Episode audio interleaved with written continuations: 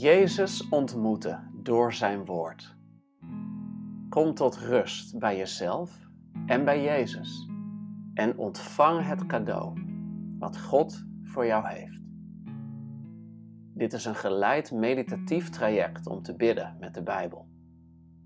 Je probeert stil te worden en aandacht te hebben voor wat het woord van God met jou doet. Het voelen met je hart is daarbij belangrijk. Het is een innerlijke reis waarbij je gebruik maakt van al je zintuigen. Aan de voeten van Jezus in gebed zijn. Dat doe ik in deze podcast door middel van de Ignatiaanse methode van gebed, oorspronkelijk ontwikkeld door Ignatius van Loyola, de stichter van de Jezuïeten. Ik gebruik daarbij de tien stappen van het bidden met de Bijbel deze kun je naluisteren in de introductieaflevering. Je kan ze ook lezen in de beschrijving van deze aflevering. Zoek een rustige plek op met een Bijbel en een notitieblok. Adem diep in en adem uit. Hier ben je, aan de voeten van Jezus. We gaan beginnen.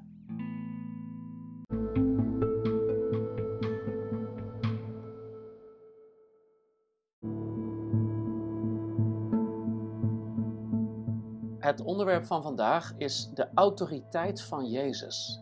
Lucas 8, vers 40 tot 48. De autoriteit van Jezus. Laten we lezen. Toen Jezus terugkeerde, dat is van het gebied van de Gerazenen, gaat hij dus weer terug over het meer, werd hij door de menigte opgewacht. Iedereen stond naar hem uit te kijken. Er was ook een man onder hen die Jairus heette, een leider van een synagoge. Hij kwam op Jezus af, viel aan zijn voeten neer en smeekte hem mee te gaan naar zijn huis, want hij had een dochter van ongeveer 12 jaar oud, die op sterven lag. Ze was zijn enige kind. Toen Jezus op weg ging, begonnen de mensen van alle kanten te duwen. Een vrouw die al 12 jaar aan bloedverlies leed, en door niemand genezen had kunnen worden, al had ze haar hele kapitaal aan artsen uitgegeven, naderde hem van achteren en raakte de zoom van zijn bovenkleed aan. Meteen hield de bloedvloeiing op. Jezus vroeg: Wie heeft mij aangeraakt? Iedereen ontkende de aanraking. En Petrus zei: Meester, de mensen om u heen staan te duwen en te dringen. Maar Jezus zei: Iemand heeft mij aangeraakt want ik heb kracht uit mijn voelen wegstromen. Toen het de vrouw duidelijk werd dat haar aanraking niet onopgemerkt was gebleven, kwam ze trillend naar voren, viel voor hem neer en legde ten overstaan van de hele menigte uit waarom ze hem had aangeraakt en hoe ze meteen was genezen. Hij zei tegen haar: Uw geloof heeft u gered. Ga in vrede. Dit waren negen versen en er zit veel in, want er zitten twee verhalen in deze negen versen. Namelijk Jairus, zijn dochter die op sterven ligt. En Jezus wordt door hem uitgenodigd om mee te gaan naar zijn huis. En ondertussen een vrouw die al twaalf jaar ziek is. Dit gebeurt onderweg naar het huis van Jairus. Deze vrouw raakt hem aan en Jezus stopt en geeft haar aandacht. Zij geneest zonder dat Jezus zelf iets doet. Er zit veel in dit gedeelte. Dus neem alle tijd aan de voeten van Jezus met de tien stappen van het bidden met de Bijbel. Die tien stappen vind je in de introductieaflevering en in de beschrijving van deze podcast. Ga voor jezelf na wat Jezus voor jou heeft. Door te mediteren met deze tekst. En kom dan op een later moment terug bij deze podcastaflevering, waar ik met je zal delen wat ik ontving aan de voeten van Jezus met deze tekst. Tot zometeen.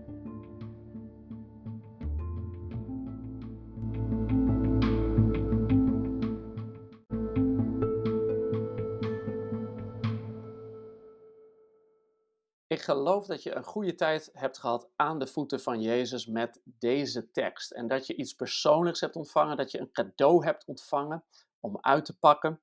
Elke keer weer wanneer je de Bijbel leest, dan haal je iets nieuws eruit. Want het woord van God is levend en actief. Het is niet dood, het is levend. Dus het kan zelfs zo zijn dat wanneer jij nu met deze tekst zit, haal je iets eruit. En dan zit je over een jaar met precies dezelfde tekst en dan haal je iets heel anders eruit. En dat is mooi, omdat jouw leven gaat door en het woord van God is ook levend. En uh, elke keer weer haal je daar iets nieuws en iets levens uit. Uh, voedingsstoffen voor jouw geest, waarmee jij niet alleen wordt gezegend, maar waardoor ook anderen gezegend worden door jou heen. Ik ben in elk geval gezegend door wat ik hier heb ontvangen en wil dat graag met jou delen. Nou, wat zien we hier? Ik vertelde het al in de inleiding. Er zijn twee verhalen die door elkaar heen lopen. Uh, en dat is meteen al uh, iets wat mij heel erg uitdaagt wanneer ik doe alsof ik een personage ben in de tekst. Hè? En dat is een van de eigenschappen van het bidden met de Bijbel, is dat jij uh, gaat voorstellen alsof je daar bent, ter plekke. En dan kun je je inbeelden dat jij een van de personages bent. Nou, wanneer ik mij inbeeld dat ik Jairus ben, de vader van een twaalfjarig meisje, zijn enige dochter, ja, dan, dan, dan, dan voel ik al heel veel. uh, allereerst, die dochter ligt op sterven. Ik bedoel, als ouder van, van een kind, van drie kinderen zelfs, weet ik ja, hoeveel je van je kinderen houdt en dat dan een kind op sterven zou liggen. Ik bedoel, geen enkele ouder zou mogen meemaken, zou moeten meemaken dat hij zijn kind uh, overleeft. En, en, en hier is het zelfs zijn enige kind. Hij, hij, hij moet zoveel doorstaan hebben, deze man. En hij heeft zijn hoop op Jezus gesteld. En hij staat zelfs op hem te wachten. Want, want wanneer Jezus aan land komt van uh, zijn terugkomst vanaf het meer, dan komt deze man op Jezus af en hij, hij kan niet wachten.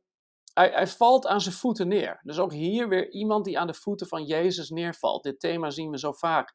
Uh, net zagen we de, de, of in de vorige aflevering zagen we de, de door demonen bezeten man aan de voeten van Jezus vallen en later aan de voeten van Jezus zitten. Nu zien we Jairus aan de voeten van Jezus vallen en hem smegen, kom mee naar mijn huis. Dus deze man, ik kan me voorstellen, hij heeft haast. Hij heeft staan wachten op Jezus. Kom mee.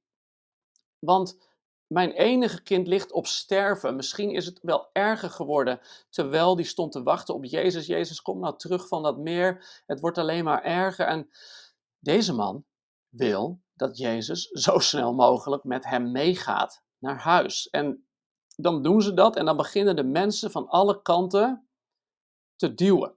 En er is ook een vrouw en die is uh, heel ziek. Heeft haar hele kapitaal aan allerlei artsen uitgegeven.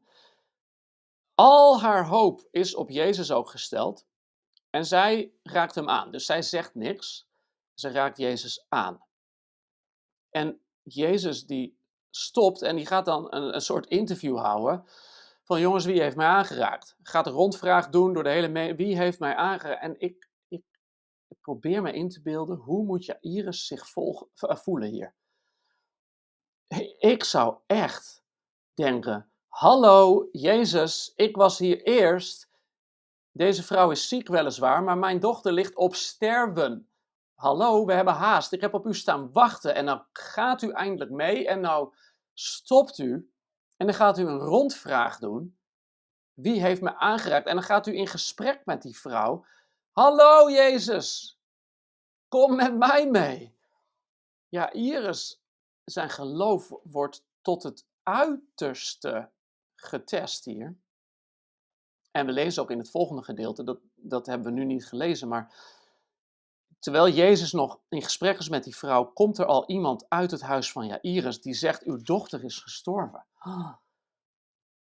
Jairus, die, ik kan me voorstellen dat hij zo gefrustreerd moet zijn geweest op Jezus. Kan het niet zo zijn dat wij soms zo gefrustreerd zijn met God? Wij hebben haast. Wij willen dat Jezus met, wij willen dat Jezus met ons meegaat en Jezus gaat op zijn eigen tempo met ons mee en gaat dan ook nog, terwijl die eigenlijk onderweg was naar ons, iemand anders helpen. Dus jij gelooft voor een doorbraak en je ziet dat iemand anders eerst een doorbraak krijgt. Wat doet dat met jou? Wat doet dat met je iris? En weet je, weet je wat hier gebeurt? Dit is een van de grote openbaringen die ik uit dit gedeelte haalde is dat Jairus geloofde voor een bepaald soort wonder, namelijk dat Jezus zijn dochter zou genezen, maar hij kreeg een nog groter wonder. Hij kreeg een opstanding. Weet je wat wij denken dat vertraging is, is in de ogen van Jezus een groter wonder. Wauw. Dat was een van de dingen die ik eruit haalde. Wat haalde jij eruit? Wat heeft jou aangesproken? Hoe sprak God tot jou? Wat me ook opviel, terwijl ik verschillende dingen hier aan het onderstrepen was en aan het omcirkelen, was dat een wonder van Jezus altijd uniek is en dat er geen recept is voor wonderen. En dat denken wij soms. Wij horen van iemand die heeft op een bepaalde manier een doorbraak gekregen. Ze gingen vasten en toen werden ze beter. Ze gaven eh, een x bedrag aan geld en toen ontvingen ze een doorbraak. Iemand ging voor ze bidden en toen werden ze beter. Ze kregen handoplegging en toen. En wij denken: oh, dat moeten wij ook. Wij moeten ook vasten. Wij moeten ook dat x bedrag geven. We moeten ook uh, handoplegging en een bepaald soort gebed. En dan, maar wat zien we hier? Wat zag ik hier? Uh, Jezus uh, die geneest en hij doet wonderen telkens op een hele unieke manier. Er is geen recept. Wat zien we hier? We zien dat ja, Iris reikt uit naar Jezus door hem te smeken: kom met mij mee. Kom mee naar mijn huis. En Jezus gaat mee met Jairus op diens geloof. Dus Jairus heeft het geloof. Als Jezus met mij meekomt, dan komt het goed. Maar deze vrouw, die zegt niks. Die smeekt niks. Die laat zichzelf niet zien. Valt hem niet uh, om de hals, knielt niet aan zijn voeten neer. Deze vrouw, haar geloof is, als ik me uitstrek naar Jezus en hem aanraak, dan zal ik genezen. Dat zien we ook uit de andere evangelie, dat dat haar geloof is. Dus haar geloof is heel anders dan Jairus geloof. En weet je wat nou het mooie is? Jezus gaat mee op basis van het geloof van degene die, hem, die iets wil van hem. Jezus beweegt gewoon mee op jouw geloof. Als jij wil dat hij meegaat met jou naar zijn huis, dan gaat hij met je mee. Wil jij hem aanraken en zeg je niks, dan vindt hij dat prima. Dan kan jij genezen worden alleen doordat jij hem aanraakt.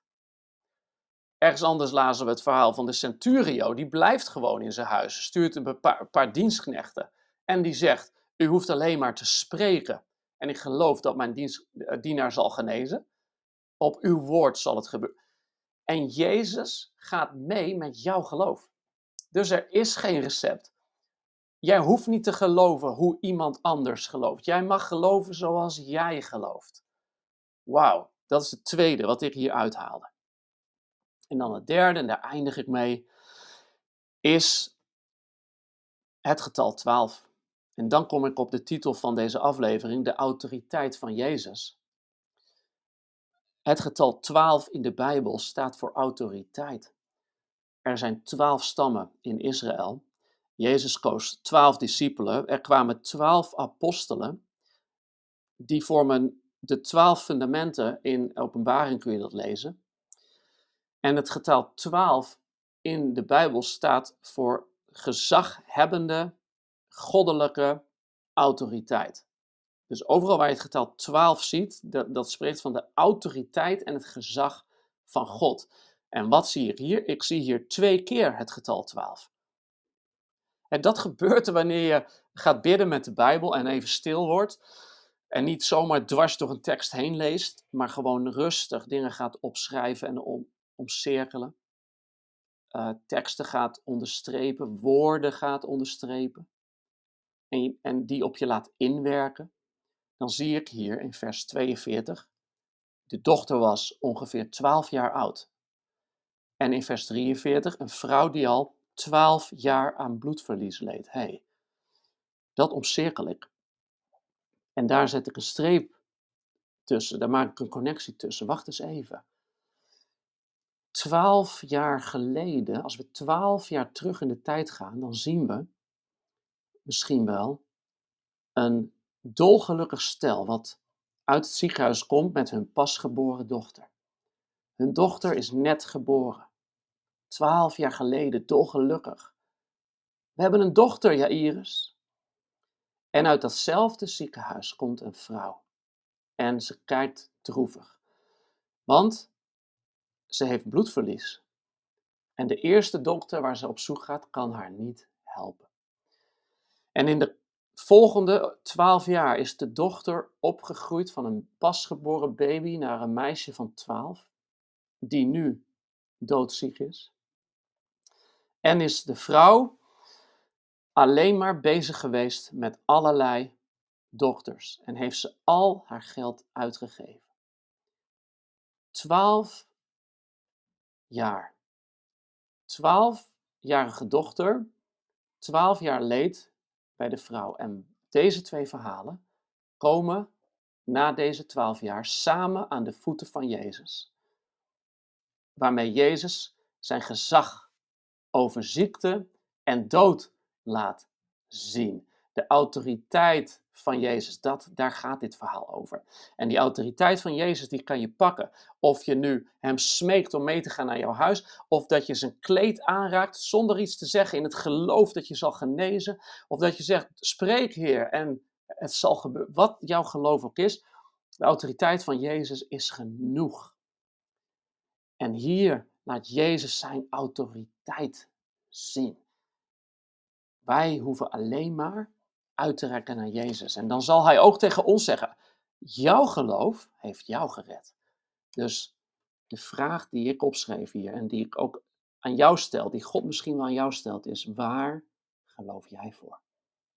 hey, weet jij dat ik autoriteit heb? Hoe wil jij jouw geloof uiten? Want ik beweeg op jouw geloof. Zo zegt de Heer. Amen.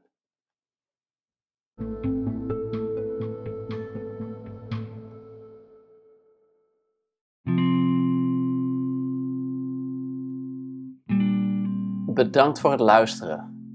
De volgende keer gaan we verder met een nieuw gedeelte uit dit evangelie van Lucas. Om aan de voeten van Jezus te zitten. Hem jou te laten ontmoeten. En te bidden met de Bijbel. Tot de volgende keer.